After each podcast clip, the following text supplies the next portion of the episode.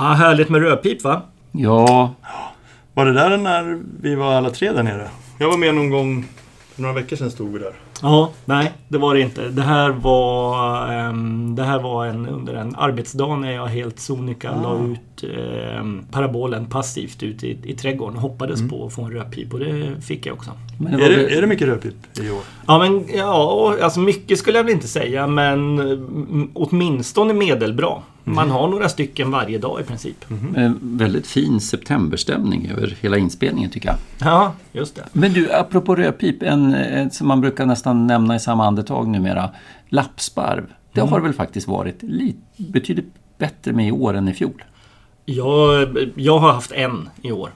Jag har också Ja. haft en. Och jag har haft samma som du tror jag. Och du. Ja. Ja, jag hörde bara mm, Pontus Wennersjö har haft ett par stycken uppe i Gårby och sådär. och att det var- Men det, det kanske är undantag då. För det var ju, den har ju börjat bli svår ju. ja, men det är ganska mycket mindre lappsparv nu för tiden än om man backar 25 år. Va? Det Ja, det upplever är jag det. i alla fall. Absolut. Ja. Mm. Jaha, och hörni, idag hände det grejer på Ölands norra udde. Ja, kan man Ja. säga. Herregud. Vill någon plocka upp bollen här? Ja men det var Tobbe Berger som hade en... eh, Som jag fattade så, så såg han väl den där och började väl direkt dra upp kameran. En, alltså en, en sångare med vingband som inte var taigasångare och, och... Jag har inte pratat med honom, du har ju pratat med honom. Men vad jag förstod så var det kameran som fick jobba och sen blev det inte mer. Den försvann. Ja, Så ty- tolkar jag det. Tyvärr var det, det var nog så. Och jag, Ja. jag tror fågeln lockade ju inte heller. Eh, tyvärr. Så det var alltså en, en, en tyst fågel eh, med dubbla vingband men mörka tertialer. Som sagt, det, här, det blev ju på en gång en diskussion om, om nordsångare kontra sibirisk lundsångare. Mm. Och det här är ju inte lätt. Nej. Nej. Nej, det är ju inte det. Och jag, ni som båda två rutinerade Sibirien eh, resenärer tycker jag har... Jag har lärt mig mycket av era bilder och era berättelser just om hur väldigt svårt det kan, bra, kan vara i vissa situationer. Ju. Jag, jag minns första gången jag förstod, det var när Johan Stett hade varit på Happy Island och då han kom hem. Och jag, för jag tänkte det här kan väl aldrig vara svårt. Då berättade han om alltså, hur svårt de hade ibland med dem. Mm. Och sen efteråt så har man ju sett bilder och ja men från dina ringmärkningsresor i Bedach och så vidare. Att man har börjat fatta, alltså Magnus dina. Och två, man tycker egentligen att det ska inte vara svårt. Men hur jäkla svårt det kan vara. Ja. Och jag minns också under arbetet med HVPB-bandet så eh, vet jag att Hadoram la ju upp lite bilder på två stycken ja, nord sibiriska lundsångare från Mongoliet. Fina bilder som han ville ha med i boken. Men då är det ju bra om man har en etikett på dem också, en liten rubrik på dem. Och det här blev en ganska, det här blev djupa diskussioner. Med, med liksom flera av, av de duktigaste Philoskopus-kännarna i, i, eh, ja, men som, som, som vi har egentligen. Blev det otrevligt? Vad sa du? Blev det otrevligt någon gång? Nej, nej, det blev det inte. Och faktum är att efter, efter ett tag så... eh, Jag tror nog att eh, vi landade nog någon slags kon, konsensus liksom kring de här fåglarna. Men det, men det är verkligen inte enkelt. Det, de gånger det är enkelt. Så här, i handen så är det ju alltid enkelt på grund av att lundsång, alla lundsångarna har ju jättelång första handpenna. Den sticker ut liksom långt utanför handtäckarna. Med, medans, eh, medans nordsångare har en kortare. Den är ungefär jämnlång med handtäckartopparna kan man säga. Och det är ganska ofta på lundsångare som det här fastnar i fält. Det vill säga den är så stor och lång så att den liksom hänger ner. Den, den döljs inte utav andra handpennan om ni förstår hur jag menar. Ja. Så, så hyfsat ofta på lundsångare så, så liksom framträder det här, även då på sibirisk lundsångare. Men om den inte syns, det kan ju då bero på både att det är en nordsångare eller att det är en lundsångare ja, där den inte råkar hänga ner just för tillfället så att säga. Hur skiljer de båda lund, skiljer- vår lundsångare från sibirisk i längden på första handpennan? Nej, nej. All, alla lundsångare har lång... Eller ja, det är möjligt att det gör. Men, men inte så att det är för fältbruk så att säga. Mm. Utan alla, alla tre lundsångararterna har liksom långa, långa första handpennor. Men som sagt syns inte det där och det gjorde det ju inte på Tobbes fågel idag. Då blir det ju lite lurigare och då vill man ju liksom gärna gå in och börja ni vet, så här, detaljkolla hur, hur ser större täckarna egentligen ut? Hur, hur breda är de ljusa topparna? Hur Mm. många täckare har liksom ljusa toppar? Alltså hur långt och hur brett är vingbandet? Men, men Magnus, det där tycker jag är intressant för att det där är ju sen, sen ja, all den här ringmärkningen i Beidai och ni kom hem med erfarenheter. Eh, för jag kom faktiskt också ihåg Johan Stedts bilder när han kom hem, hur svårt det var. Och då var det ingenting, då var det ingen karaktär jag vet som överhuvudtaget fanns i mitt medvetande som ju kanske till vardags senare har blivit den, den snabbast, mest indikativa karaktären som finns. Att, att Sibils lundsångare, alltså Plumbert Tarsus, har, har ett betydligt bredare, mer synligt vingband eh, på större täckarna än vad nordsångare har. Utan då på den tiden skulle man ju, den, den karaktären som var på modet då var ju att titta på ögonsträck kontra ögonbrynsträck och hur det såg ut fram över näbben vilket jag tycker är en extremt svår karaktär att ha att göra med. Ja, det är det. Och det, grejen är att det funkar ganska bra så länge vi pratar om nordsångare och våran lundsångare. Ja. Alltså den västliga lundsångaren. Men det funkar betydligt sämre mellan Nord och Plumbetarsus. För Plumbetarsus, alltså sibirisk lundsångare, är mer lik nordsångare i det avseendet. Eh, Nej, men just det. Men de här detaljerna i vingbandet, det separerar ju faktiskt om inte alla individer så en väldigt hög andel i alla fall. Men tyvärr så lyckades ju Tobbe aldrig riktigt sätta skärpan på de här bilderna. Ja, men var kanske ljuset lite svårt eller? Det känns som Ja. att de är lite så här. äh, Det är kanske är sånt håll också att det blir. För det ser väldigt. Vad säger man? Smudgy? Eller vad heter det? Lite Ja, utsmetat. Lite utsmetat ja. Det ja. går ju liksom. Om man ska hårdra det så kan man ju. Det går ju knappt att vara hundra på att det inte är ett Lundsångarvingband. Det ser ju inte ut så, men det är nästan så att man inte kan vara hundra på det. Ja, ja nej, det, här, det här kommer nog bli lite en utmaning, tror jag. Ja, och det, det, är kul också hur man själv... Jag har också, det har gått någon timme mellan varven och så har man tittat på bilderna igen under dagen. Och, och det första intrycket med den här eh, kraftiga huvudteckningen och, och så, så, så tänkte man nordsångare. Det är väl indirekt också för man tänker att det är, det, det är ändå snäppet vanligare. även Fast båda två är ju oerhört tunga så här års. Och det är Så- även en perfekt tid för nordsångare, Ja, måste man säga. ja. Vilket det kanske inte är för, Precis. för eh, Plumbetarsus. Nej, ja, precis. Nej, men sen så när man tittar på den så, så den var lite liten i kroppen och lite så här ganska gråvit under och, och de här då väldigt kraftiga större täckarvingbanden. Så, ja, det, var, det, liksom, det kändes som att man inte riktigt... Jag tror så här att en, en, det, det hade kunnat vara en fågel med liknande bilder som man hade kunnat känna sig mer säker än vad man gör på den här. Det hade kunnat under dylika förutsättningar med ljus och det måste ju ha varit ganska dramatiskt för Tobbe där och, och en fågel in i en buske, det är ju lätt att, att kameran inte sätter skärpan. Mm. Jag tror att skärpan för de flesta sitter liksom på bladet innan eller något sånt där. Ja. Och det, jag tror ändå att en, en, en, en Låt oss säga om det hade varit en nordsångare med, med betydligt sämre utvecklat vingband och så, så hade det kunnat, man kunnat känna sig mer övertygad. Mm. Oh, absolut. Så, så Men du Magnus, hur mycket stör dig, alltså det här, för vingbandet går ju inte, klättrar ju inte så långt upp på större täckarna. Som, man, man ser ju Prometheus tänker man att den ska nästan gå hela vägen, hela vägen in. Ja. Här känns det som att det bryts ganska tidigt. Hur, mycket, hur störigt är det? Hur, Ja. hur, får, hur får de variera Prometheus där? Ja, precis. Nu, nu kan man ju tyvärr inte räkna större täckarna på grund av att bilderna är för suddiga. Men eh, det, det finns alltså ett överlapp. Alltså antalet ljustoppade större täckare överlappar mellan de mest vältecknade nordsångarna och de minst vältecknade ehm, eh, sibiriska lundsångarna. Och den här, den här ser ju ut att... Den, ja, den ger ju intryck av att ligga där någonstans i det överlappet tyvärr. Men du, det finns ju en bild där man kan åtminstone tänka sig att man ser första handpennan och den ser ju väldigt lång ut. Ja, om det nu är det man ser. Ja, det, är ju, det är ju jobbigt det där. Men jag, jag, din resa med den här fågeln Jonas liknar ganska mycket min. För först när jag fick bilderna på morgonen så, så tänkte jag också att det här är nog ändå fördel nordsångare. Tänkte jag. Det, det kändes bra på något sätt.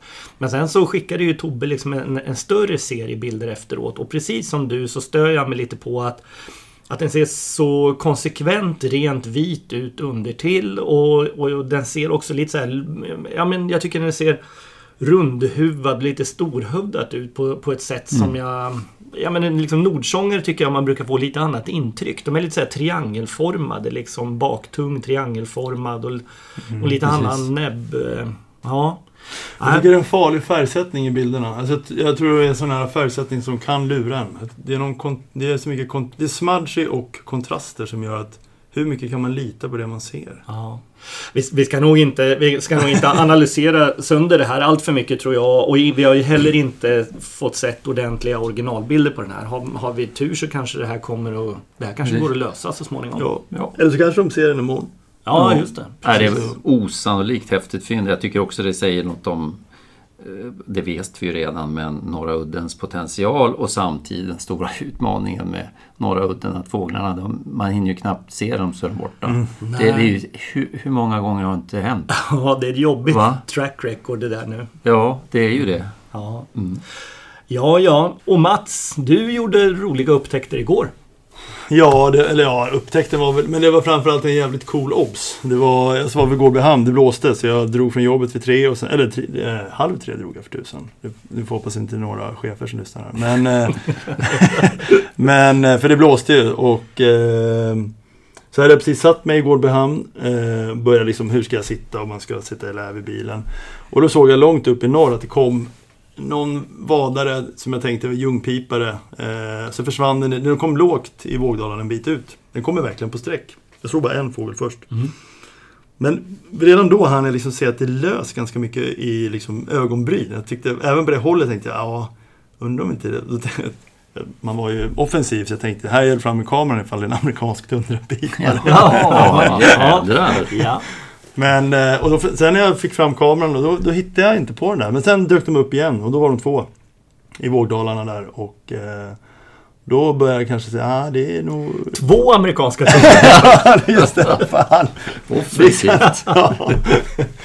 eh, nej men då blev det så här lite, då började det ju liksom blixtra i huvudet. Vad fasiken ner och, och fjällpipare kom ju fram där. Men det som jag inte såg faktiskt, jag tänkte jag letade efter någon form av bröst. Den såg ganska jämnfärgad ut. Och färgsättningen tycker jag nog var, i det ljuset som var, det var lite ljungpiparfärgsättning. Så känna någon säkerhet, det tog ett tag. Men det som var intressant var att plötsligt löste till i den här vita spolen på, Ja, så läckert. så det är löst på håll efter, alltså håll, men då hade de kommit närmare. Och då jäklar liksom, både ögonbryn och det där. Ja. Men sen kom de, och sen sista delen så fokuserade jag ju på att eh, plåta dem när de kom nära. Och just den här tunna liksom brösttäckningen som man ska se, den såg aldrig jag i fält. Utan det såg jag på fotona sen. Ja. Så svårt Ja. var det att uppfatta det på, liksom, det gick ju undan. Jag måste säga att jag är oerhört glad faktiskt att du offrade en del av obsen för bilderna. För bilderna är ju episkt läckra.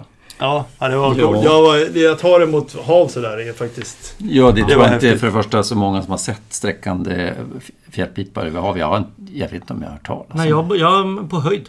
Ja, ja, ja sett det är ju samma här. Ja. Men, Men jag inte fick sådär. eh, Juho svarade att han hade haft det i våras. Men då var det sånt här lite mer regn. Det här var ju ganska hyfsat fint väder igår. Mm. Men då var det ju regntungt och han sa nattskäror och törnskator kom också lågt. Allt kom ju liksom lågt. Då hade han haft eh, insträck över hav. Ja, Det är kul med ja. den där spolen. Jag har, aldrig, jag har inte reflekterat och tänkt på det. Att den går igen i fjällabb och fjällpipare. Va? Ja. Ja, Ja. Nej, riktigt läckert. Eh, är det någon som vill säga några ord om rödfalken kanske? Ja, det, det kan vi väl göra. Det sågs en, en eh, som vi allt att döma en gammal hanne, rödfalk på Öland upptäckt av en, en jag vet inte hur pass aktiv skådare var han, eh, men någonting måste vara. Jag, jag hört rykten om att han har sett en konstig fågel springa omkring på gräsmattan i sin trädgård nere i Stramtorp. Leta dagmask. Ja, precis norr om Norra Möckleby. Och eh, gillat en stor tall som var på tomten och, och skicka bilder till en Ölandsskådare som, eh, som eh, förstod vad detta var. Och, eh, ja, och så sen så blev det ju Ja, jag, jag fick lite förhandsinfo innan larmet men det var bara några minuter och jag var väldigt nära. Jag var knappt tio minuter därifrån så jag åkte dit och letade. Och där var den ju en halv kilometer därifrån. Tillsammans med tonfalkar. Ja, precis. Det var ju faktiskt väldigt trevligt tycker jag att få se den tillsammans med Tonfalk. Och Man kan ju säga så här att eh, jag trodde ju man skulle... Jag, att, att den skulle skilja ut sig mer proportionsmässigt. Alltså eh, kanske lite mer kortskärtad, lite mer satt. Men jäsiken, nu var det ju unga tonfalkar som, som lite grann jagade och trakasserade den där gamla hannen rödfalk. Men att på håll, det kom en ensam fågel, att i giss skilja ut den där, ja det det räknar inte med mig då. Alltså, nej, nej. Men det här, och det här har vi haft uppe i, i podden eh, förut när vi har stått i Israel och tittat på blandflockar ja. med dem. Och jag, jag såg ju också den här fågeln strax efter eh, dig där Jonas tillsammans med de här tonfalkarna. Och jag, jag kan ju bara hålla med. Man, man, det är svårt att känna sig stöddig tycker jag med de här proportionerna. Mm.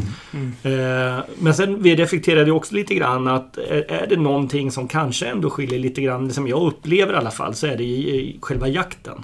Den här, de går upp och de eh, ryttlar lite grann kanske men det känns lite halvdant eh, den här ryttlingen och, och lite mer aftonfalkslik liksom i det här eh, liksom ryttlings Mm. Just rödfalka är mera Ja, ja exakt. Verkligen. Precis. Och sen mm. upp och nypa lite insekter som den käkar i, i luften och sådär. Och jag, jag, ja, af, ja, men, aftonfalk var min association i liksom beteendet. Ja, men alltså tonfalk känns mer liksom militär. Den går upp och står och tokrycklar och så sen åker den dit och sen mm. åker den här ja. är liksom lite mer planlös och ja, lite tar som det Oj, fladdra till lite och tar en liten sländ. Alltså den, den är den, den, har inte samma bestämdhet på något vis i rörelserna, precis som Aftonfalk tycker jag. Mm.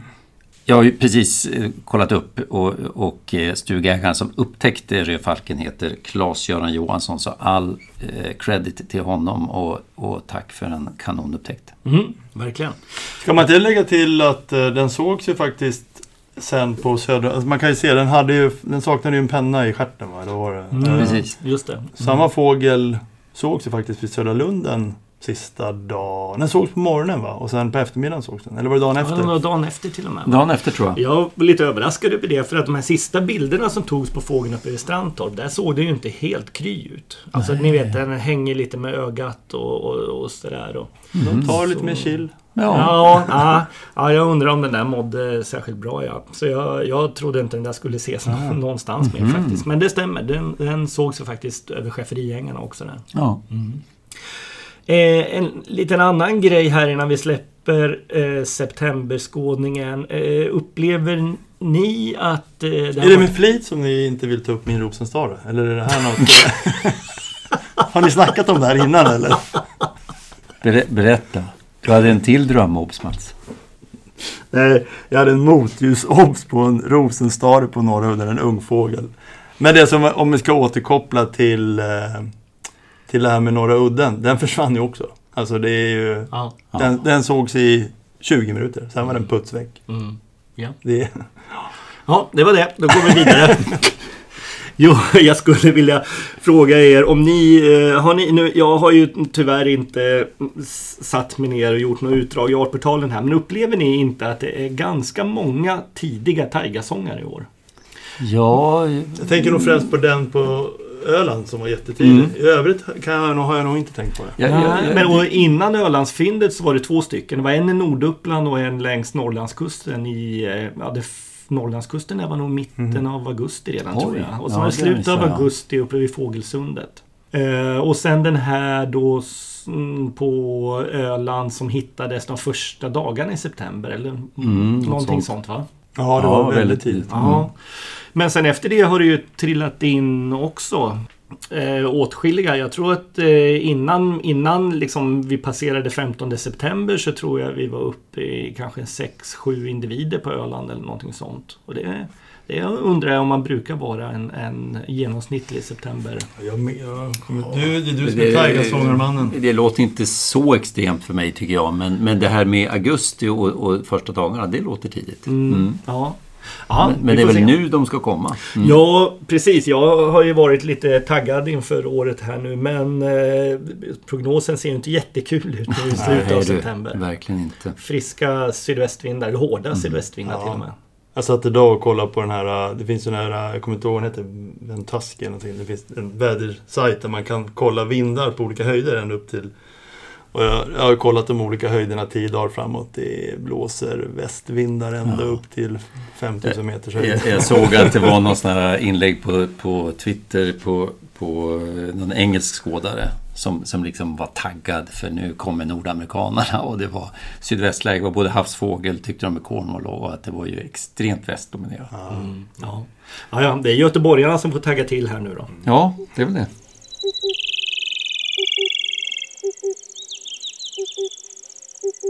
Falsterbo. Vi var ju där på Falsterbo Bird Show. Ja, Det var ju väldigt... Eh, en kanonhelg. Ja, fantastisk helg Ja. faktiskt. lite, det- något av en höjdpunkt. Mm. Eh, både socialt och eh, hela liksom, eventet där med Falsterbo Bird Show är ju skitkul. Och sen hade vi ju sån röta med fågeltillgången. Ja, verkligen. Det var lördagen... Lördagen var ju den Lördagen där. stora dagen när det, de räknade, Nabben räknade ju in, eh, det var Mattias Ullman som stod och räknade, han räknade in 1800 bivråkar. Mm. Och det, jag vet inte om det var den högsta dagssiffran på, var det 10-15 år? Tio år i alla fall va? 10 år, ja. Mm. Så det var ju häftigt att få vara med om det. Ja. Eh. Ja, det var liksom de största flockarna var ju nästan upp mot ett par hundra Ja. fåglar, va? Var det inte det? Nu kan man dö.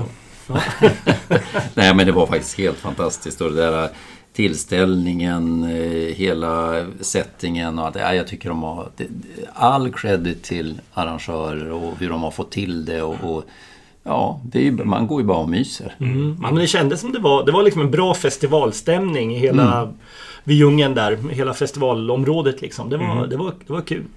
Jag har haft lite diskussioner med olika personer om de här bivråkarna och liksom utvecklingen. Vad händer igen? Eller vad är det som gör det här? Och hur ser egentligen populationstrenden ut? Och det, det, det som är lite svårt det är faktiskt att ta hjälp av Falsterbos siffror för de diffar så jäkla mycket mellan åren. Ja, men ett, ett år kan den ligga på 2000 och så och året efter, nu, nu kommer jag inte ihåg de här i huvudet, men nästa år kanske 4000 och så är det liksom, det är sådana väldiga, pendeln slår och då förstår man att vädret spelar så, en så stor roll. Så det är ju ganska svårt att göra någon, någon eh, form av liksom, analys vad som har hänt de senaste tio åren till exempel. Men för jag hade en diskussion med Thomas Hultqvist som bor i Kronobergs län utanför Rottne. Och där, han tycker ju att de de senaste åren, inte minst i år, har haft liksom under häckningstid. De har, de har mer bivråk under häckningstid. Mm. Det här är bara, det är inga räkningar utan det är bara en maggropskänsla. Han har, och det är inte bara han utan även vänner till honom där i Kronoberg som... Så man undrar ju om det har varit... Det här är bara, nu spekulerar jag väldigt fritt. Men tänk om det är så att de här varma somrarna 2018 och vidare har liksom främjat bivråk. Att det varit lyckade, lyckad reproduktion. Att vi får någon form av, i alla fall delar av landet kanske har kanske gått bra för den. Eh, Mm. ingen aning. Men... ehm, Nej. Jag funderar på om, man, om det finns möjlighet att spåra sånt där. Gör, gör mm, Falsterbo det? Eh, alltså titta på åldersfördelningarna. jag tror det borde man göra. Men Kan andelen ungfåglar så att säga ha, ha varit högre under de senaste åren oavsett totalantalet? Ja. Samtidigt är min gissning att ungfåglarna tror jag inte är lika petiga med att gå via samma... De tror jag går mer spritt. Väl ot- vi har ju mera ungfåglar. Vi får ju nästan inga gamla utan vi får ju ungfåglar här. Jag tror de är mera loose, ungefär som ängshökar. Alltså att de följer inte liksom det så strikt. Och därför tror jag att ungfåglar blir ännu svårare att utvärdera i Falsterbo. Det här är mina gissningar, jag kanske blir vrålkapad. Men jag tror faktiskt att det är så. Det är, Det enda jag skulle vilja kapa dig här och nu, det är väl, det är väl ängshök. Upplever du, upplever du att vi har fler utsträckande gamla fåglar än ungfåglar på Ottenby? Nej, men jag menar att de är...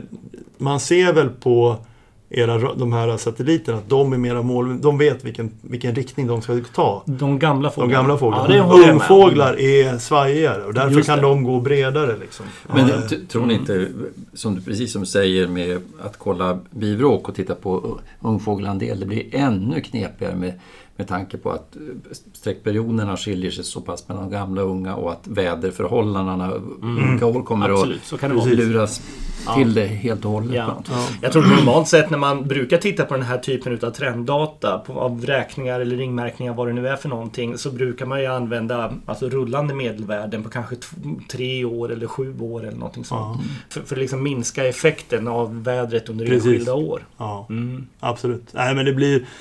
Ja, men det är väldigt intressant. Det, skulle vara, det, det får vi följa upp och det kanske finns sådana som inventerar bivråk och, och säkert många kunniga bivråkspersoner i landet som kan eh, bidra med någonting här. Ja. Men det är, Ja. bara, det är ändå intressant att det, det kanske inte bara är en negativ trend för bivråk. I alla fall inte i hela landet. Nej. Nej. Ja, ja, vi får se. Kul. Och sen hade vi en rolig brun kärrhök också. Ja, Mats, du hittade, gjorde oss uppmärksamma på en eh, väldigt spännande Ja. kärrhök. Det, Det fattade jag inte då. Jag trodde det bara var en sån där brunhuvad ungfågel. Alltså jag, nej, för jag släppte den. Nu kommer en sån där. Det var ju så mycket bivråk. Mm. Jag tänkte bara att det var... Så jag var inte så het på den förrän jag såg dina foton med, vi- med ljus iris. Ja, precis. ganska, jag, jag stod ju bredvid och var ganska het men fick ingen respons ifrån er. Så jag... jag, jag, jag Du vågade inte. Ja, det är väl jag som är, när jag såg den där så tänkte jag det där är en sån där som är på baksidan av Dick Forsmans bok. Ja, jag var Jaha. helt på läktaren Ja, kan jag och så- säga. Jag hade ont i men- ryggen och stod och ojade mig. Ja. Men, men sen när ni liksom har pratat bort det där då tänkte jag ja, ja, det är väl jag som är ouppmärksam och mm, brukar väl missa de här då. Ja men det var ju roligt. eh, För vi fotade den och du fick ju... Du, du hade någon bild där man såg en jä, eh, väldigt Ja. ljus iris. Och och den, var ju, den ruggade såg man ju tydligt på fotona att det var Mm. ju ingen ung fågel. Men Nej, nej. då fattade man att det är en äldre fågel. Eh, Och då var den, blev den genast spännande. Mm. Du skulle ha satt på det där Magnus. Ja, ja. Ja. Nej, men det, det är ju faktiskt jättekul ju. Och jag har aldrig, jag har aldrig sett någon sån eh, brunhök i Sverige. Nej. Nej, det, vi, vi pratar ju alltså om en fågel som, som saknar ljusa teckningar i princip. Den är bara Precis. mörkt chokladbrun rakt över. Precis. Eh, och Jonas, du, hade, du har letat lite info kring det här fenomenet, eller? Ja, inte, alltså, det har jag faktiskt inte gjort. Jag har, har eh, hört mig för. Jag skickade till eh, Falsterbo Folk eh, och, och Björn Malmhagen svarade och sa att det här är ju inte vanligt där heller. Alltså, han, han såg den här fågeln också. Jag tror han måste ha stått... Han stod med oss. Ja. Han var med oss. Ja, ja precis. Vi, vi, jag kom på det, eller när han skickade sina egna bilder som var ganska identiska med mina. Ja. Ja. så att det där är ju inte varje år han ser om. De är ju ovanliga. Och, och sen så har vi ju hört lite grann för att vi, vi var lite tveksamma på eh, kön och ålder och sådär. För att den, det, du, det är kul du nämner den där på, det är väl egentligen Dick Forsmans förra rovfågelbok som han har en Ja. målad gammal hanne, sån här riktigt härligt brun, brun kärrhök med brunt huvud. Men de, de får ju liksom, de är lite silvriga på basen av vingpennorna, både arm och hand. Jag pratar om den, bo, den vita boken som kom 99 eller något Ja, sånt. det är någon sån här gåsgam på framsidan. Och, sånt ja. och eh, de är ju väldigt häftiga de där gamla hannarna, eh, bruna gamla hannar med, som får liksom nästan så här silvrigt band som, jag vet inte vad jag ska jämföra med, lite eh, ung kungsörn. Men alltså det, det, det blir verkligen ljust då på basen. Och den här har ju lite så, men det, man, man ser på de nyruggade fjärilarna att riktigt så jäsekens ljussilvriga är de ju inte. Så att, att, att det ska vara en sån snygg gammal hanne, det känns lite osannolikt. Och, jag, eh, och, och samtidigt man läser att Eh, som Dick Forsman skriver också att, att irisarna kan ju ljusna på, på äldre honor. Och vi, vi, ehm, för den här ser ut att ha ordentligt ljus iris ju. Ja, det, det, det störde mig lite med det här med Mm. hona och hanne. Att, för att då har man... Jag tycker inte det är ofta man ser sån ljus iris på gamla honor. Det är liksom, man ser det men det, då ska det vara... Det är lite märkligt att just den här har det. Samtidigt, ja. Frågan är hur stort underlag har man? Hur många fotade, hur många dokumenterade mörka Nej, finns det egentligen?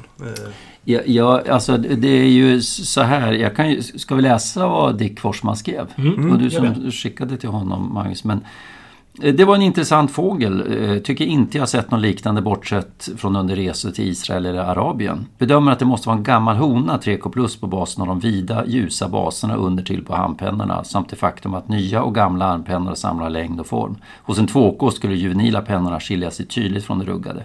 Dessutom brukar 2K-fåglar ha hunnit längre med ruggningen jämfört med de äldre damerna. Har vi givetvis ingen aning om var den kommer ifrån. Kanske finns dylika gömda i ett litet antal också inom nordiska fåglarna? Frågetecken. Det är ju spännande ju. Det är ju uppenbart, om inte han har sett någon heller här i Skandinavien så är det inte så vanligt. eh, Kan man ju konstatera. Och det är ju inte, jag, det är inte lätt att hitta några bilder på Artportalen förutom chokladbruna ungfåglar då som saknar... Ja, precis, precis. Men vi får väl lägga ut dina bilder i Jonas på, Självklart. på poddens Facebook-sida. Ja, verkligen. Mm.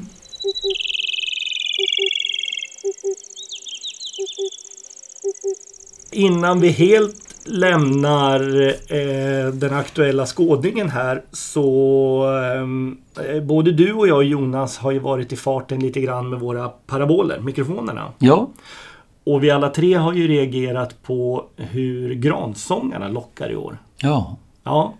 Och det är inte bara här på Öland. Nej. Nej, även nere i Skåne Falsterbo lockade hade de- vi en i trädgården där, samma. Ja, Mm. Ja, nej men alltså, det, jag tycker det är, det är faktiskt ganska makalöst hur... eh, För den sista veckan här har det varit oerhört gott om gransångare. Jag tycker det var kul du sa det Mats, gran är det nya löv på något Ja. vis. Alltså det är ju...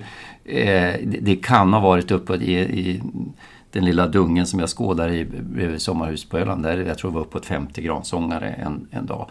Och det är ju en enorm konsekvens i det här locket som jag kan säga att jag aldrig hört eh, en, en massförekomst på detta vis. Det är ju betydligt mer svung, det är inte samma tydliga hit som det brukar vara eh, Uppåtkrökning, eh, men samtidigt är det ju inte heller helt rakt som på östliga Tristis och, och, och så. Utan det här är ju nå- något annat. Och så plötsligt låter alla på det här viset. Jag, jag, alltså det är ju, hur uppstår sådana här fenomen? Jag, jag tycker det är extremt fascinerande. ja. Det är inte första gången. Alltså, Nej, det är, det- med- just med gransångarna. Precis, vi har ju, det, det, jag vet inte hur många gånger vi har, vi har tagit upp det här med hur många nedåtkrökta, Chilylockan har ni hört. Och, Ja. och vissa år så är det ju mangrant. De Ja. allra flesta Och i lockar år så. är det noll för min Noll del. för min del Eh, också. Men, men däremot skulle jag säga att det är över 90% kanske 95% av gransångarna i år som lockar med det här nya udda lätet. Absolut. Jag hörde i, i, jag har hört en som jag tänkte, oh, nu, nu lät ju ett huit här, men jag blev lite tveksam för sen när jag försökte se fågeln så hoppade det upp en lövsångare där också. Så att jag är lite osäker om det var att jag bestämde en lövsångare fel. Eh, så att annars är det ju, ja som du säger, i, princip alla lockar så här. Ja. Och tittar man på det på eh, sonogrammen så ser det ju också lite speciellt ut. Det är en, en, en väldigt eh, brant och kort, eh, liksom uppåtriktad. Frekvensen stiger väldigt snabbt i det första segmentet. Och i det andra segmentet sen så har det liksom nästan, ja det är inte 90 graders vinkel men det är inte långt ifrån. Och sen är det liksom en, en helt flat avslutning på det. Ja. Som en, en, en, en vinkelhake som man kröker ut lite. Så den, den, den är liksom inte riktigt 90, 90 grader där. Men eh, den är ju den är ju rätt karaktäristisk faktiskt. Men vad ska vi kalla det då? Magnus och Mats. Vi har kycklingpips tristis, vi har chilylockande, Vinkellock. vinkellock. Jajamän, där har du Ska vi lyssna på det? Ja, det kräver att man tittar på sonogram då för att kalla det vinkel. Men okej, vi köper Ja. det. Vinkellockande. vi lyssnar. Mm. Ja.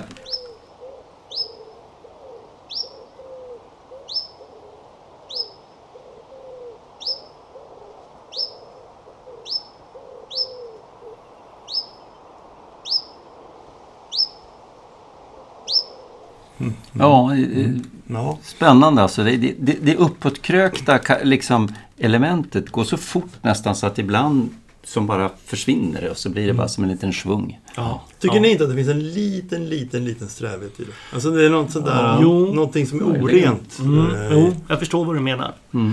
Eh, Men jag, jag håller med. Det är fascinerande hur eh, de här liksom, modenyckerna på något sätt kan sätta sig i, i, i populationerna hos gransångare. Ja, men det, det är helt makalöst. Kom, Jag skulle vilja... kom du ihåg det där året när det var Hesa domherrar? Det var så mycket snack om det. Det är väl Ja. 20 år sedan. Mm. Var det inte, var det inte någon, fanns det inte publikationer som, som på något sätt tog upp det där med att det behöver inte vara de östliga utan det kan vara ja, hur det nu sker de här snabba förändringarna i läten. Jag har för mig att det var sånt som, ja, det borde Ja, finnas alltså, lite jag- forskning att leta bland. Ja, men jag, alltså, det, det har ju kommit upp som en eh, tråd i, i de här nedkrökta gransångarna. Att det, det är liksom en, en, en trend eller någonting. Och jag, jag kommer inte ihåg var det kom upp. Var det inte typ Sound Approach som skrev om det också? Ja, det var ju, det var ju någonstans. Men, och det här har vi berört också flera gånger förut i podden. Att Mm. under år med eh, de här nedåtkrökta locken att det är juvenila läten och under år med extra god häckningsframgång. När det är väldigt Precis. mycket juveniler i, i, eh, i, i rörelse. Så på något sätt så verkar det som att det här, det här lärs in, det här locket, på ett Mhm. annat sätt än vad det gör under normalår då. Skulle det kunna vara något liknande i år? Ja, kanske det. Kanske det. Eh, jag har också eh, en eh, rolig inspelning som jag skulle vilja köra för er. Vad kul! Kvitterpjodden. Just det, Kvittepjodden ja. ja. För någon vecka sedan så fångade ju vi en årsunge lundsångare nere på Ottenby. Och det är inte varje år vi fångar lundsångare eh, på hösten. Det, mm. det går några år mellan dem.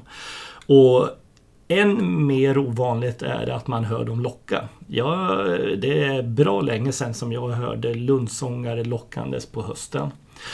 Och eh, dels tyckte jag att det var väldigt intressant för att den var ganska variabel den här fågeln. Alltså locken varierades lite grann. Allt från de här klassiska mer sädesärlelika locken till liksom enklare varianter också.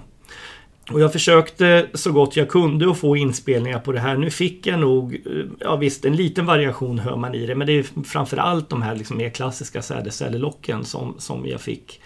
Eh, ska vi ta och lyssna på dem? Väldigt gärna.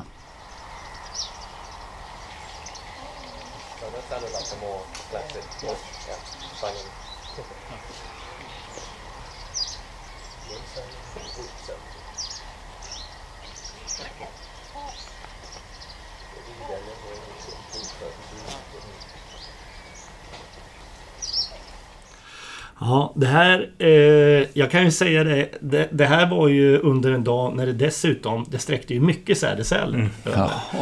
Och jag hade ju micken ute ganska länge och liksom försökte med olika placeringar och sådär. Och det var, det var inte helt lätt kan jag säga att sortera bort faktiskt sädesärlorna ifrån det här. Utan jag trodde du skulle säga att det var en dag med mycket danskar i trädgården. Ja, just det. Ja, just det. Ja, det var Jonas Pedersen man hörde det bakom. Och, och, men hörde ni också att Jonas sa att ja, men nu är det klassiska lock i alla fall. Mm.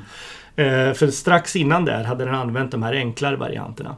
Eh, jag har en, en, en till liksom nedklippt fil där jag liksom har isolerat locklätena. Vi, vi tar den också. Det är alltså samma lockläte man hör med lite tydligare.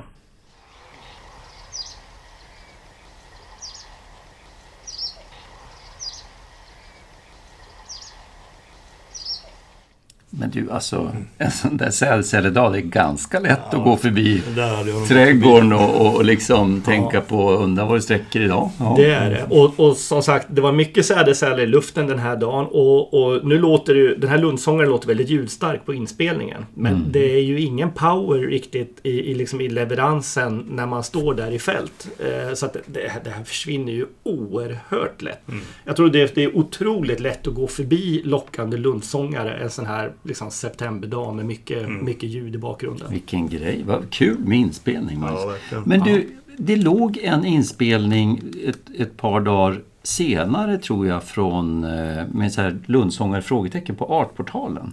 Mm. Ja det stämmer. Det var en kille som heter Magnus Danestig som eh, eh, som några dagar senare spelade in ett lockläte också nerifrån Fyrby nere i Ottenby. Mm. Det här nu, jag är inte, han, han såg ju den här fågeln. Han såg att det var en liten förlossningsbussångare.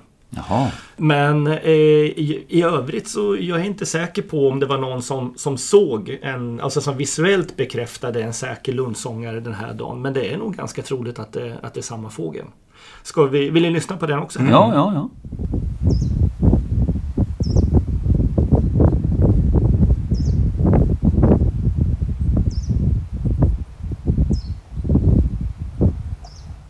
du milde, det var inte lätt alltså. Spetsig då.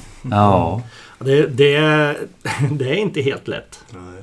Så får man, man får ge och ta lite för variation och sådär också. Ja. Men... men eh, Känns det eh, svartmeston i den där. Ja. Men, men eh, det, det, måste väl vara Lundsångaren? Ja, det skulle det annars vara. Ja, jag, jag tycker att det låter trovärdigt och jag skulle vilja säga att de här lockläten, den var ju variabel som sagt när vi hörde den några dagar tidigare. Ja, det, det skulle mycket väl kunna vara liksom ett, mm. en, ja, den här typen av lock som vi hade då fast jag inte lyckades spela in det.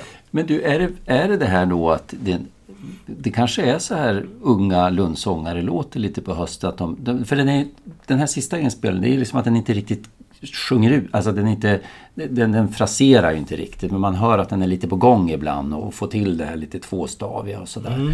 Men, men eh, jag har framförallt hört lundsångare vid Danus locka utomlands i Mongoliet på, var det ju gott om dem och mm. lockade också mycket. Där var det ju aldrig... Lockade de mycket där? Ja, jag vet på ett ställe hade vi jättefint alltså. Jag spelade in och så men, men eh, då var det ju aldrig några sådana här små ljud. Inte, det var ju liksom riktiga Mm. eh, sädesceller, tvåstaviga fraserade lock så att säga. Jag vet inte om det är kanske vanligare på hösten på ungfåglar att det blir så här. Ja. För, för det där är intressant tycker jag, varför vissa, kanske vi har pratat om förut, men ta till exempel med gransångare. Det är ju få sångare som är så benägna att locka som dem. Alltså de är ju... Och så har vi andra arter som inte alls är lika sugna på att locka. Och, och varför? Alltså vad är, Jag tycker lundsångare inte är så... Alltså när, vi Nej, var i, när vi var i södra Kazakstan så hade vi ju en del, men det var ju få som lockade. De var ju ganska tysta tyckte jag. Och Hade de varit motsvarande mängd gransångare hade de ju suttit och lockat hela tiden. ja. Eller så upptäckte de inte för alla personatasälesäler som flög över. Ja, men ja, ja, så kan det vara. Men, jag, men det är ett ganska intressant fenomen att just varför det diffar mellan de eh, benägenheten att locka.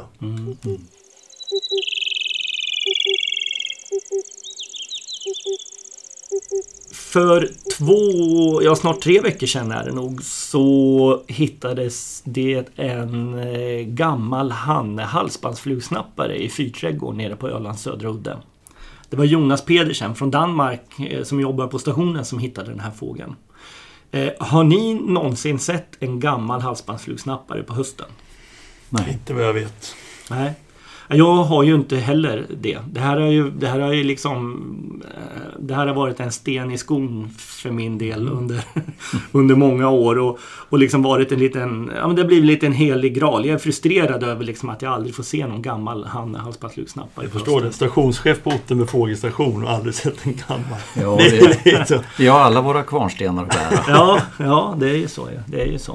Eh, nej, men det här har irriterat mig i alla fall. Och det är ju, det är ju, det är ju coola fåglar. De är ganska ögonfallande. Så jag har ju svårt att tro att man liksom ska gå förbi dem. Med, med Ja men ni vet, visst de får ju vinterdräkter eh, precis som svartvita flugsnappare. Så att de är ju i princip hornfärgade men de har ju liksom ordentligt svarta vingar och jätteblaffiga kritvita stora handbollsfläckar. Och så har de, de har ju till och med pannfläckar liksom i den här vinterdräkten. Men det är bara ett förtydligande. Du säger att du inte har sett. Menar du fält eller ni har inte heller fångat på stationen? Både, ja, ja på båda frågorna.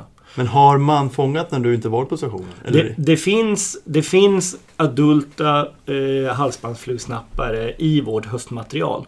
Eh, i, I protokollen. Men huruvida de är korrekt bestämda Ah, adult de eller är inte, det vet jag inte. Nej, det, det finns ingen dokumenterad gammal fågel Det är, eh, det är ifrån fångsten vid jäkligt Ottenby. spännande. Ja.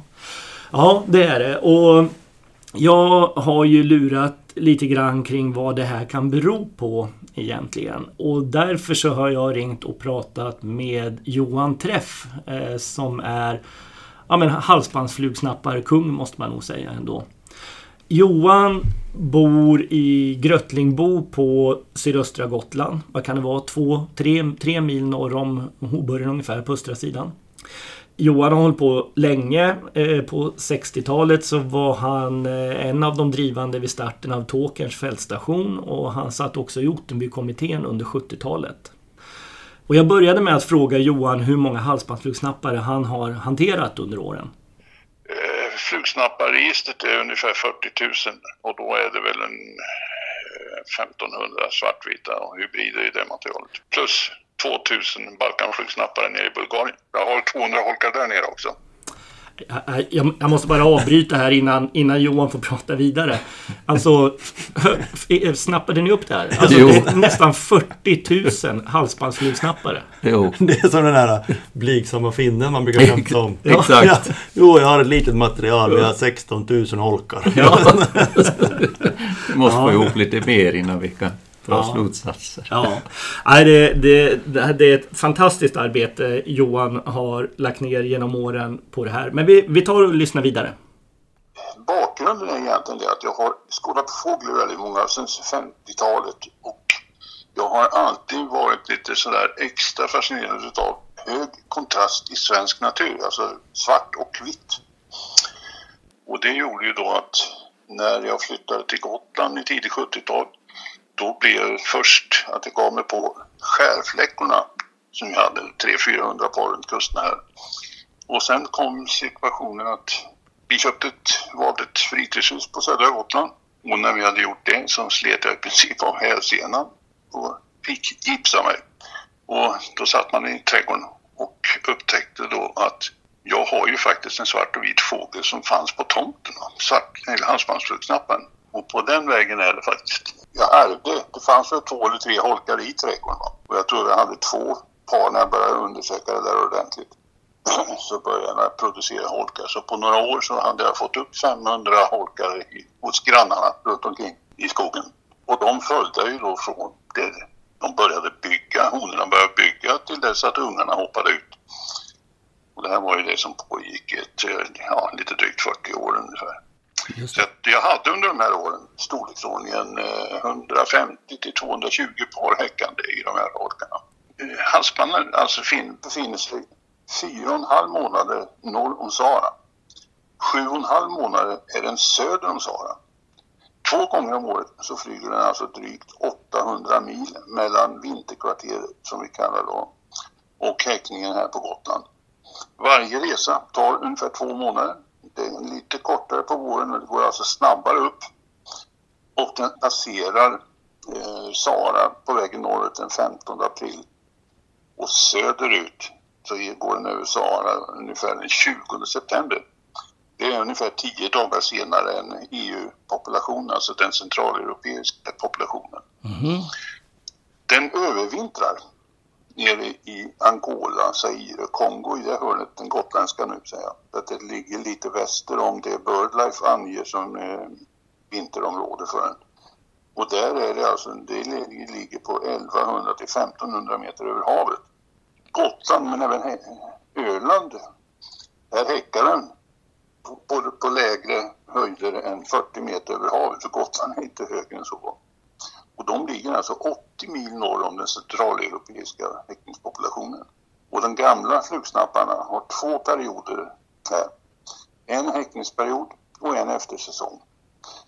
Ungfåglarna kläcks här och sen delar eftersäsongen med de gamla flugsnapparna. De är inte tillsammans men de är så att säga här på plats. Så. Just det. Och, eh, men det är också så att du eh, sen åtskilliga år tillbaka också fångar halsbandsflugsnappare på tomten under höststräcket också, eller hur? Ja, det gör jag. Och, eh, I och med att vi skaffade huset här nere i Görkenbo så under 18 säsonger så satte jag upp passiva nät i trädgården. Det vill säga när ungarna hoppade ut då satte jag upp två, tre nät. Och under de här åren så fångade jag totalt 295 flugsnappare. Den sista juli 2010 hade jag ingen flugsnappare fastnat i näten. Men plötsligt så satt en ung mindre hackspett i trädgården och jag plockade ut högtalare, tung bandspelare och satte igång det där för att se om jag kunde få fram den här för foto eller att den hoppade i nätet. Men den försvann till skogs. I och med att jag plockat ut den här tunga utrustningen så satte jag, med, satte jag den på kökstrappan och drog på halsbands, eh, halsbandsflugsnapparens vårsång. Och sen gick jag och diskade. Och efter en kvart och sånt där så satt när jag tittade ut så satt det tre stycken ungfåglar, unga halsbandare på tv-kabeln. Och då ja. grep jag vad man skulle göra. Så dagen därpå så flyttades den där utrustningen till ett av näten. Och jag tog närmare tio stycken. Så att eh, under 2010 så tog jag drygt 200 stycken. Så att det var starten på det här. Just det, så du, du, du fick 200 stycken då den första den första, första augustimånaden, ja. Den första augustimånaden som du använde. Eh... Ja, då hade jag bara ett nät och den här playbacken, alltså högtalare och bandspelare under nätet. Men sen då satt jag naturligtvis och tittade på vad hände runt nätet och noterade hur de flög och varifrån de kom och sånt där. Och såg att det där var nog inte riktigt bra. Det räckte inte med ett nät liksom, utan jag såg att 75-80 procent flög ju högt över nätet liksom fram och tillbaka. Så att den vintern så tillverkade jag en hiss så jag kunde få upp två stackade nät upp till sju meters höjd. Och det var det jag körde med resten av säsongen och då var det ju väldigt mycket mera året därpå. Alltså, så jag tog en 500-600 då. Ja. ja, snittet för 13 säsonger ligger på knappt 400. Herregud. Så det är lite över 5000 jag har fångat dem. Just det. I, i, i din lilla trädgård i Gröttingbo? I min trädgård, ja. Mm. ja. ja. det är ju det är fantastiska siffror. Fångsten, tidsmässigt. jag tar alltså 60-70 procent. Första timmen före och första timmen efter soluppgången. Och sen tar jag ytterligare 20 procent andra timmen efter soluppgången. Så att, och när de kommer då på morgonen i gryningen ser man dem, då kommer de inte in på den höjden man ser dem dagtid. När de flyger omkring på den här då ser man dem mellan ja, två och fem meters höjd. Där, I det skiktet rör de sig om. I träd, eh, buskar, träd och buskar här. Men på morgonen då kommer de in, då sitter de i trädtopparna så de kommer ner där. Och hur de kommer dit det är väldigt svårt att se i mörker. då. Men jag misstänker att de kommer uppifrån och det är därför de hör på långt håll då också att jag har en sån där playback-station igång. Ja, just det. Så att det är därför de hittar hit. Och så sitter de i björktoppar runt om och så någon lönn som jag har. Och eh, säkert 75 procent av flugsnapparna passerar fortfarande ovanför dem. Ja. Ja, i rörelserna som är här. Nere på, i, på Ottenby i Fyrträdgården nere på Ölands södra udde. Ja. Där såg vi i år eh, en gammal hanne som rastade. Och det här har ju förbryllat mig eh, under många år varför det är så otroligt sällan vi ser eh, adulta fåglar, alltså två plus fåglar på höstarna nere på, på Ölands södra udde. Jag har själv aldrig sett det och jag lyckades tyvärr missa den här också, men det finns fina foton på den. Mm. Och då funderade jag lite grann om du kunde hjälpa mig att spekulera i det här. Varför är det så svårt att hitta de här gamla fåglarna hos oss? Och när på säsongen är det vi ska leta? Är det som för många andra tättingar att andelen adulter är störst tidigt under höststräcket? Och, ja, vad, vad, vad har du för, för, för tankar kring det här? Ja, om vi börjar hur de beter sig, va? eller vad, vad som händer. De häckar. Och eh, normalt säger man, de flyger, ungarna lämnar boet i, runt midsommar. Vid den tidpunkten så har kanske 10-20 procent utav hannarna redan börjat att rugga. Va? Det är en process som ligger på 5-6 veckor. Honorna börjar rugga ungefär en vecka senare. Va? Och under den här ruggningsperioden, då blir de extremt lokala. Då sätter de upp ett eget ruggningsrevir som de försvarar både mot fränder och mot det andra könet och mot småfåglar i övrigt. Och de är oerhört svåra att hitta. De eh, rör sig på meterhöjd. De sätter sig alltså i skuggan, gärna med ljus, solljus framför för att plocka markinsekter, gråsuggor, harkrank och sånt där som är kalkrika för fjäderbytet. Så under mitten av, alltså från andra veckan i juli till tredje veckan i juli får jag inte någon i mina nät. Va? Och sen om man tittar på Sundre fågelstation nere vid Hoveön. De har likadant, de får väldigt få adulta men de får strövande ungfåglar som går runt. Och jag tror att när det gäller Ottenby då är det eran omgivande biotop som är huvudskälet till att ni inte får ner dem. Det finns uppifrån eh, vad heter Lunden Mm. och ner till eran fyrträdgård så är det ju faktiskt en och en halv kilometer där ni inte har några buskar och inga träd. Mm, ja. Och det gör att de här gamla flugsnapparna, de är erfarna. De har ju klarat en resa tur och retur till Afrika och har mött rovfåglar på olika sätt. De är inte så dumma så att de flyger ut bara för att titta på en trädunge. Eftersom de inte är ledlinjeflyttare utan de flyttar från den platsen de sitter när det blir rätt väder. Då. Rätt vind kanske man ska säga. Och därför går de inte ner och tittar till hos er utan det är bara ungfåglarna som är nyfikna och de kanske ni får och förmodligen får ni dem i större utsträckning än vad som är fallet idag. Jag tror att eh, ja, du har sett hur det ser, har sett ut under tre decennier i Hoberg. Det har ju blivit en markant ökning samtidigt som flugsnapparna har ökat. Va? Och idag har ni väl kanske 800 par. 1960 när jag var där nere, då fanns det fem, mellan 5 och 10 par uppe i Löttorp. 2016 gjorde en kalkyl, alltså som jag sa dig, jag har alltså en eh, kontrollnivå på 15 till 17 procent utav dem jag fångar på hösten. De är märkta så jag känner ursprunget och åldern på dem. Mm. Och tar jag den andelen av totala fångsten, då kommer jag fram till att 2016 hade vi förmodligen 6200 par häckande på Gotland. Ja, ja, okej, just det. Ja. Och tajmingen då på de gamla fåglarna, tror du också att det är tidigt under sträcksäsongen som man har störst chans att få adulterna? Nej, jag tror, alltså det, jag fortsatte kanske inte på det där i år när jag då har bara suttit i trädgården och fotograferat så har jag haft mellan 9 och 20 augusti så passerade minst 27 stycken adulta hannar mitt fågelbad. Oj, jösses. Ja. Och har dess, och dessutom två säkrade honor liksom. Men eh, det kan ha varit flera. Det, det, det får man titta på. Det är några tusen bilder att titta igenom fortfarande. Ja. Så att det, det är mitt i augusti. Alltså det är toppen för adulta fångsterna för mig ligger nog 8-10 augusti. Ja, Men men, jag har fångat adulta i näten fram till 29 augusti. Ja. ja, är, är det här arbeten som vi framöver kan få hoppas att läsa någonting om? Ja, jag håller på och präntar om det här, men som jag sa åt den här efter, så alltså, fokus har ju hela tiden legat på då häckningsbiologin och häckningssäsongen. Men när jag kom på den där fångstmöjligheten, eftersäsongen har alltid lockat mig, men jag har inte begripit hur jag ska komma åt den. Så nu är fokus totalt flyttat så att jag håller på i detalj och försöker titta på vad flugsnapparna gör efter det att ungarna hoppat ut dem, till dess att de lämnar Gotland. Och när det börjar klarna och det tar två, två säsonger till, då ska jag försöka få ner det här på pränt. Jaha, killen verkar veta vad han snackar om när det gäller halsbandsflugor. Man blir ju helt, helt golvad. Ja, Är, är, det inte, är, är inte det roligaste som finns att prata med människor som är så, Ja. så vansinnigt kunniga Jo. in, in, Ja, inom ja, sina små nischer liksom. Ja, ja, det är helt otroligt. Och, ja, väldigt trevlig intervju. Ja. Ja.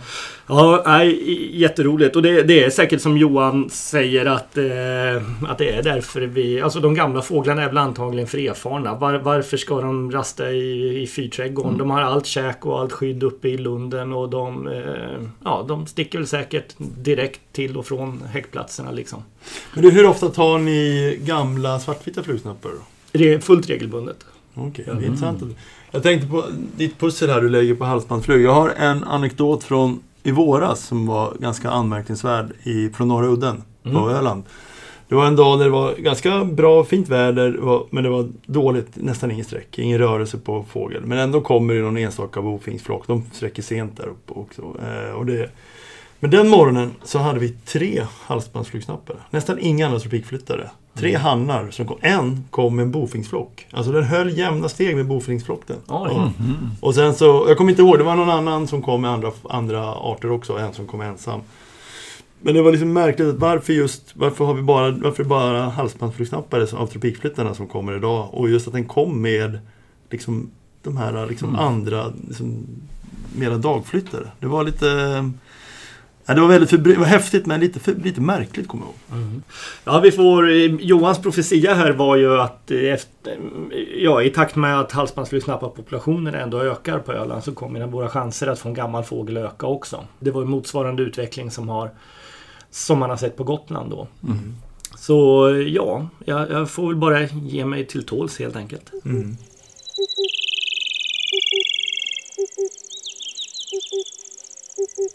Vi har ju tidigare pratat om att, att britterna använder väldigt mycket Twitter för fågelnyheter. Och jag har börjat, det dyker upp i ens sociala medieflöde i det där. Och det, det, vissa ro, saker är ju lite roliga att att rapportera. Jag tänkte bara ta två saker här. Eh, en som jag tyckte var lite roligt, det var en eh, artikel som eh, publicerades eh, så sent som den 17 maj i år Eh, av eh, spanska författare som har kalkylerat eh, klimatologiskt eh, i södra Spanien. Och de i artikeln predikterar de att eh, husparv kommer att börja häcka i Spanien. För att eh, om man ser med klimatförändringarna så, så eh, förväntar de sig det helt enkelt. Mm. Och, och det var 17 maj den publicerades och nu i sommar så konstateras första häckningen av husparv i Spanien. Så att det var, Vad var det någonstans? Ja, det var all, jag tror det var i, kring Tarifa-området, allra längst i söder där. Just Som de skriver, conclusion. Uh, we cannot anticipate when the house bunting will establish on the European continent because colonization processes are usually slow, but according to our results we predict its establishment in the near future. Ja, det blev två månader. Ja, precis. Jag tycker det var rätt snyggt. Ja, just det. Nej, så så är det. Men sen ehm, en också, jag vet inte, ja, det kanske till och med lite glädjande nyheter för jag, jag grävde lite mer i det. Det var också en sån där, bara här om, veck, ja, här om veckan som, som det kom en notis att man hade i, i Kina räknat på ett ställe eh, 1587 fläckgluttsnäpper. Oj, oj, oj. Vad sa du? 1500? Nästan 1600? Nästan 1600 och, och någonstans så populationsuppskattningen enligt de som skrev det där ligger på 1300 ungefär. Så att det, Individer? Individer, ja. Ja, ja, så att det är ju någonstans så, så var det väl hela världspopulationen som man såg där. Ja. Och, ehm, Var i Kina var det här? Ja, det är det. Jag ska komma till det. Ja, eh, men vi, vi, jag- får jag bara eh, vila på hanen lite grann där? Jag, för att parafrasera en annan känd podcast. Vad har vi på fläckgruttsnäppa? det är en ganska häftig art, eller hur? Ja. Ja. Inte minst namnet. Guttifer. Getringa guttifer, ja. Och det är ju en eh, så fascinerande, en extremt sällsynt tringa-art i, som, som ju häckar i, ja, kring Okhotska havet kan man säga. Den är trädhäckande va? Precis som skogssnäppa. Precis, vad roligt. Nu, tar, nu, nu säger du det som jag tyckte var lite häftigt här. Men det är ju faktiskt en av tre vadararter som häckar i träd. Och du sa den andra arten. Ja, skogssnäppa. Ja, sen var det inte så svårt att lista om det var skogssnäppa. Vad kan den tredje arten vara då? Amerikansk skogssnäppa. Ja, just det. precis. Såklart. Men det är faktiskt den enda vanen. Den bygger sitt eget bo. Eh, skogssnäppor de häckar ju trastbon och sådär va. Mm. Oj, jaha. Va? Är det- Ja, jag tror det är det va. Inte i Nordamerika. Nej, men sen, sen när det spekulerar varför är den så sällsynt då? Så visar det sig att, att eh, det man har sett är att fläckrutsnäppa den, den kräver, har väldigt hårda biotopkrav. Den ska ha tillgång till tre stycken biotoper. Dels sen glesa bestånd av kajanderlärk. Fråga mig inte vad det är, men det är, den häckar ju lärkträd. Och så ska det vara liksom eh, våtängs eller liksom lite myrinslag i närheten av de här lärkbestånden och så sen ska det också finnas tillgång till eh, tidvattensbankar som den här söker. Så de här måste vara, det är, finns ju då kring Okhotska havet. Ja, men, men, men det måste alltså vara... De häckar alltså bara kust, kustnära? Ja, precis. Eh, och, ja, absolut. Jaha. För de, de, de födsöker i, i, i såna här tidvattenbanker. Eh, och vet nu hur, hur eh, många bon som är hittade Nej. totalt någonsin? Nej. Tio stycken. Oj. Ja, det finns faktiskt, om man går in på eBird, den här vad heter det, Ma- Macaulay Library, eller vad det, det finns det faktiskt en fin videoupptagning på en, en som sitter i boet med en, en fläckrutsnäppa. Så det fin- det finns videodokumenterat, det minns jag när det kom ut i sociala medier för några år sedan, när inspelning, att det var första gången det var dokumenterat. Mm. Eh, ja, det är riktigt läckert. Men sen som ni säger, va, den flyttar ju också och den, precis som till exempel skedsnäppa, den, den, eh, så, så är det jätteviktig stopover site, alltså rastplats där kring eh, jag, jag vet att man brukar kalla det Rudong. Ja, just det. Norr, Mudflats. norr om Shanghai. Precis, exakt. Väldigt nära Shanghai. Alltså det är ju en av världens mest eh, tättbefolkade områden. Extremt ekonomiskt expansivt. Eh, som då de här eh, tidvattenbankarna eh, i, i Gula havet som ligger precis norr om Shanghai har ju då varit oerhört viktiga och så sent som eh, 2016 så konstaterar man att 70% av de här äh, bankarna, de här extremt viktiga rastplatserna för hela den här, äh, det man brukar kalla för E-station, eller äh, Australian Flyway, för hela västra Stilla havets eh, vadarfåglar, de var ju redan förstörda. Alltså den var utbyggda, industrialiserade, man hade- förstört de här markerna. Det var 30% kvar och där fanns det ju redan långt gång planer på att förstöra resten av det här. Och det är ju, det är ju helt avgörande rastplats för skedsnäppa, helt avgörande för fläckrutsnäppa. Det är ju ganska ovanliga, det är liksom akut hotade fågelarter som, som det här är helt beroende. Men på nätet om, där de såg de här nu, drygt 1500, nästan 1600 fläckruttarna, det var vid Tiaozini eh, i Jiangshan och det, det är ett alldeles nyligen bildat världsarvsområde för att bevara den här kustmiljön och de här eh, mudflatsen. Så att det har gjorts bara på tre år. Det var någon som, som skrev ett blogginlägg från 2019 i, i jag tror det var Beijing Bird Club eller någonting, eh, som sa att, att bara hur, hur politiker och de ansvariga för det här området pratar om det här området, det har, det har förändrats väldigt mycket till det positiva bara de sista åren. Så att vad jag förstår, utan att vara insatt i ämnet, men det man kunde läsa sig till, att det finns väl lite hopp nu i alla fall att de här sista återstående eh, rastplatserna där kring Gula havet ändå kan bevaras. i detta extremt expansiva område. Men du, eh, jag har ju sett den där övervintrande i södra Thailand. Men, Ja, du drar- har sett fläckrosa? ja, men drar de även längre?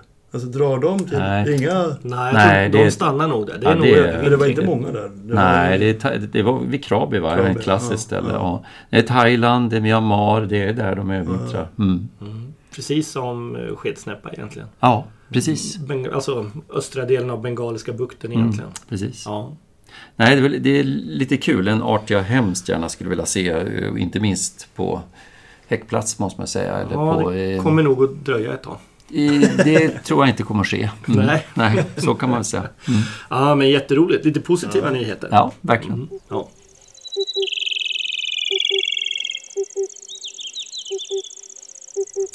Mats, då undrar jag som vanligt vad du inte har kunnat släppa. Kunna släppa och kunna släppa. Men jag... Eh, det var Fredrik Friberg som uppmärksammade mig på en kul fågel. Eller två roliga fåglar. Jag ska se vad ni tycker om den här. Vad ni tror att det här är. Oj, oj, oj. Ja. Men du, jag- Röd, rödhuvad törnskata är ju definitivt med i bilden. Jag tycker jag känner känner igen den där. Den där har varit på nätet någonstans. Var det inte typ spekulerat som hybrid, typ rödhuvad törn? Alltså rödhuvad, eller jag vet inte. Precis, det är, ja, den är från Slovenien. Jag har ju inte... mm, Den är från... Det är, de tror att det är en rödhuvad. Och, eh, Svartpannad kanske? Eller? Ja, men det var någon annan som nämnde svartpanna. Men de... Ja, på den här sajten så tror de i alla fall att det är rödhuvad och vanlig törnskata. Ah, ja, ja. Det, den har ju, jag, tänkt, jag, jag tog tillbaka min gissning lite snabbt. Den har ju väldigt liten handbollsfläck. Mhm. Så är rödhuvad inblandad, alltså, såvida det inte är badljus. Ja, Nej, men om, om man säger så här. Om svartpannad hade varit inblandad hade man inte förväntat sig lite, lite mer generös handbollsfläck Mm. Sen tror jag man luras lite av ljuset kanske också på ovansidan där. Men, Ja. men det roliga är att Frippe, han rotar fram en till sån här. Då. oj, nämen. här. Kolla, jaha. Den är från Frankrike. Ja, den där, jag tror att jag har sett... Ja, det sägs också vara rödhuvad och vanlig törn. Ja, läcker. Det var en mycket bättre bild. Märkligt grå. Alltså att Ja. den är så jämn grå över ryggen tycker jag är lite överraskande. Men det är ganska intressant ändå att det går att hitta några sådana här hybrider. Ganska Ja. med, lite, med lite googling och sökning. Verkligen. Kul! Ja. Jonas? Ja, jag säger som Mats inte kan släppa och släppa, men jag fick en, en reflektion i alla fall. Jag var på eh, Svalbard i samband med en forskningsprojekt som jag har, jag tror jag nämnt det förut, här i augusti. Och eh, det var ju mycket unga skärsnäppor där. Eh, och så sen så, ja, jag tog några bilder, några där. Jag gick och, eh, de är liksom, går lite överallt. Och så man uppe och tittade i sökaren så slog det mig, jag fick en liten flashback av att de här är ju extremt lika. För Jag, jag har ju då i, inte riktigt samma forskningsprojekt, men i, i samma ärende så att säga, sett unga klippsnäppor på eleuterna i, i eller Cold Bay i eh, Alaska. Och faktiskt också för länge, länge sedan ut på Chukotka såg jag unga klippsnäppor. Och alltså, är det någon som kan tala om hur, hur man ska skilja de två? De är ju oerhört lika varandra. det är de de, är väldigt närstående. Det är ju syskonarter det här. Men jag, jag tänker mig också att om, om man nu skulle ställas inför den här utmaningen. Jag menar med Framförallt på, på eftersommaren när de här springer omkring så är det ju inte mycket is emellan och det är inte speciellt långt heller. Och, och jag menar skärsnäppa häckar ända till norra Kanada och du har klippsnäppa har ju upp till västra Alaska i alla fall. Det är inte, det är inga enorma avstånd emellan. Hur De- långt flyttar klippsnäppa? Ja, de flyttar inte så långt. Alltså, och klippsnäppa är ganska knepig för den, den har ju olika raser. Va? Du har ju Lite öpopulationer. Ja, du har ju överpopulationer. eh, Du har ju nominatformen som ju eh, finns på framförallt på Pribiloföarna som är ganska populärt till skådare för att titta på i, som ligger mitt i Beringsund. eh, Norr, norr om Aleutterna. De flyttar ju till Cook Inlet, alltså söder om Anchorage. Alltså, hela vinterpopulationen är nästan där inne Ja, på de vintern. går inte längre söderut. Nej. Nej. Sen har du de andra populationerna som ju till exempel, tror man den där Coesis som är ute på Aleutterna, det är ju den, den som jag kanske tycker är allra mest lik eh, skärsnäppor. Eh, den tror man inte flyttar överhuvudtaget så långt. Men sen har vi också den här eh, Chukchorum den som, som häckar i Ryssland uppe från egentligen Kolyushin Bay uppe på Chukotka och så i, uppe i västra Alaska vid Nome och Seward Peninsula och, och det. Va? Eh, Den vet jag faktiskt inte hur långt den, den eh, flyttar men jag tror att den skulle kunna tänkas flytta ner till Aleutterna och, och, och eh, södra Alaska. Men, men jag, vet- jag vet faktiskt inte det. Men jag, det var lite kul för när jag, jag ville titta på bilder och så Ja. tittade jag på eBird, alltså ja de, de bildbibliotek som finns, det är ju ganska mycket bilder. Men just de här juvenila 1K-fåglarna på aleutrasen som jag, som jag framförallt tyckte var så lik. Hittade jag- Det fanns inga bilder. Men nej, nej, jag hittade inga andra bilder än de jag har själv. Hur, låter, hur lockar det klippsnäppa? Ja, det var faktiskt det jag tänkte också. Det, det måste ju vara för att fjärrplytt som det heter, på, det är bra att komma ihåg om hur skärsnäppa låter. Liksom det, där, plitt, plitt, plitt, ja, det låter lite onomatopoetiskt så. Ja, eh, det finns ungefär en, en 20-30 lätes... Eh, jag har inte kollat på Senocanto, men på på eBird, de jag lyssnade på, så fanns det bara ett par tre lock. Det mesta var ju sång eller spel. Men de, de få jag lyssnade på tycker jag har en heshet i, alltså det låter ju väldigt påminnande men det är ju hest. Det är ju inte skärsnäppa på det viset som jag uppfattar i alla fall. Eh, så, så det, det är en strävhet i det där locket. Fjärrebräk. Fjär, ja, det, ta det för vad det är. Jag har inte kollat på något material överhuvudtaget. Jag kommer faktiskt inte ihåg. Jag, de där lockade ju de jag såg men jag kommer inte ihåg att jag reflekterade över att det var annorlunda då. Men jag tänkte jag skulle lägga ut de här bilderna. Dels eh, på eh, juvenila, fräscha eh, ungfrågar skärsnäppa och så ska jag lägga ut från Eleuterna och så ska jag lägga ut från eh, Chukotka och så kan jag, jag kanske ska lägga ut dem på Pjodden och så ska jag inte skriva vad som är vad. Kan man göra en sån här poll? Folk får rösta. Folk får rösta. Det, Ja. men det, det är ganska det är roligt. Det är en som skiljer ut sig mer än, de- än de andra två kan jag säga. Ja, ja Mm. kul. Jag blir lite nyfiken här Jonas. Jag, jag, har ju, jag har bara sett klippsnäppa en gång. Och det är ute vid kusten västerut från, eh, från Seattle. Ja men det, vad dum jag är, det är ju den. Det är ju Chukchurum. Alltså det är ju den. eh, Just det. Ja det måste vara den som flyttar Ja, dit. så de- absolut de så. går så långt i alla Abs-. Absolut gör de det. Ja. Till, och med ner till Kalifornien kan du nog se någon gång. Ja, ja, ja. Okej, just det. Eh, f- förlåt, precis, de så inte- är det ju. Men de, eh, de är, tror att de är omöjliga i, som gäster här? Lite för... Man ska aldrig säga aldrig. Ja, men jag, alltså, jag tänker mer på liksom, ja, men, att vi, vi börjar ha tofslunnar och, och så. Att Jo, vi jo. är allt mer i större utsträckning och så där. Så ska man väl aldrig säga aldrig. Nej. Däremot så tror jag att det är lite lättare att upptäcka en tofslunne än en, Mm. en klippsnäppa. Ja, eh, själv kommer jag liksom Mats att prata om hybrider här. Mm. Det senaste numret Blåmes, asurmes. Nej, det har jag kunnat släppa. Ja, Ja. bra. Eh, nej, men senaste numret av Dutch Birding listade... In, ja, det fanns små, små korta rapporter om eh, flera olika eh, roliga hybrider faktiskt. Och några utav dem eh, tyckte jag förtjä- förtjänade att nämnas. Dels så innehåller det här numret en beskrivning av två olika polska hybridfåglar, eh, turkduva turturduva. Jag tänker apropå Ah, det som... det. Det som du pratade om. Öländska. Ja, vid Stenåsabadet Ja, här det. för, i, var det nu i höstas? Ett år sedan? Ett år sedan. Ja. Ja. Nej, två, två sådana fåglar ifrån, ifrån Polen. Eh, och eh, en utav dem har faktiskt också spelat. Men Magnus, du har ju lärt mig den här ramsan om, om hur många stavelser. Att det är liksom, om man räknar upp till sju, vilka olika Ja. du vart. Så, och, nu ska vi se här. Turturduva är tvåstavigt, turkduva är trestavigt. Turturduva är enstavig. Ja, så är det ja. Ja. Och, och eh, turk är tre. Och skogs är är Ja, två. så är det ja. Turk är tre, större turtur fyra, ringduva är fem, Fem. och palmduva är sex. Så är det ja. Jajamän. Men då bör den här vara tvåstavig då? Ja. ja, ni ska få höra här.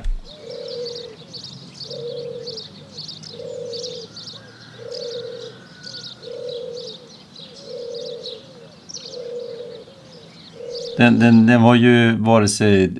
Den var ju inte tvåstavig. Eh, nej, men det här var ju en hybrid. Jo, Så den, var ju, den ska ju vara en och en halv stavig. Eller nej, just det. Nej, den ska ju bli... Ja, oh. Ja. Jobbigt. Vi, vi, jag tar mig snabbt vidare här. Eh, I Spanien rapporteras det om en hybridisering mellan stubbstjärtseglare och vitgubbseglare. Oj. Det är lite kul. Fina Mm. bilder också i eh, Dutch Burning där. Jaha. Eh, och sen en fågel som jag tror att vi kanske, möjligt att vi har nämnt den förut i, i podden här, från i somras, eller våras. En, eh, en vadare, en kalidris-hybrid från Holland som var ganska lik, eller ja, den larmades ut som styltsnäppa. Men det är ju uppenbart det. att det är något, något, något lut med den här. Så att eh, en, en, och de har ingen facit i artikeln här heller. Men en, en styltsnäppa gånger någonting, så att säga. Eh, också ifrån Holland en Tringa-hybrid. En fågel som när de upptäckte den så trodde de att det var en större gulbena. Den gick som större gulbena de första, om det var två dagarna den var på plats. Tills det togs eh, flyktfoton på den och hade lång vit ryggkil. Oj då. Och eh, ja, de eh, funderar på om det möjligtvis skulle kunna vara större gulbena eller svartsnäppa. Eller om det kanske ännu närmare till hans kan vara rödbena svartsnäppa. Eller större gulbena gluttsnäppa möjligtvis. Det finns, eh, finns inget, inget, inget liksom svar på det här utan bara teorier som, som slängs ut. Och sen slog det mig häromdagen också när i, också i mitt, i mitt Twitterflöde. Det dök upp eh, en, en Sylvia-sångare ifrån Schweiz. Ja. Eh, en, en, en, konstaterad, en konstaterad samhäckning mellan glasögonsångare och törnsångare.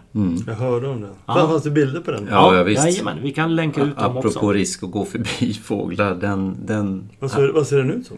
ja, men, skulle du... Monokelsångare. ja, nej men det ser ut som en ung törnsångare i dina ögon. Men det kanske det inte gör dina, Magnus. Ja, jag hade nog lätt gått förbi det där också. Mm.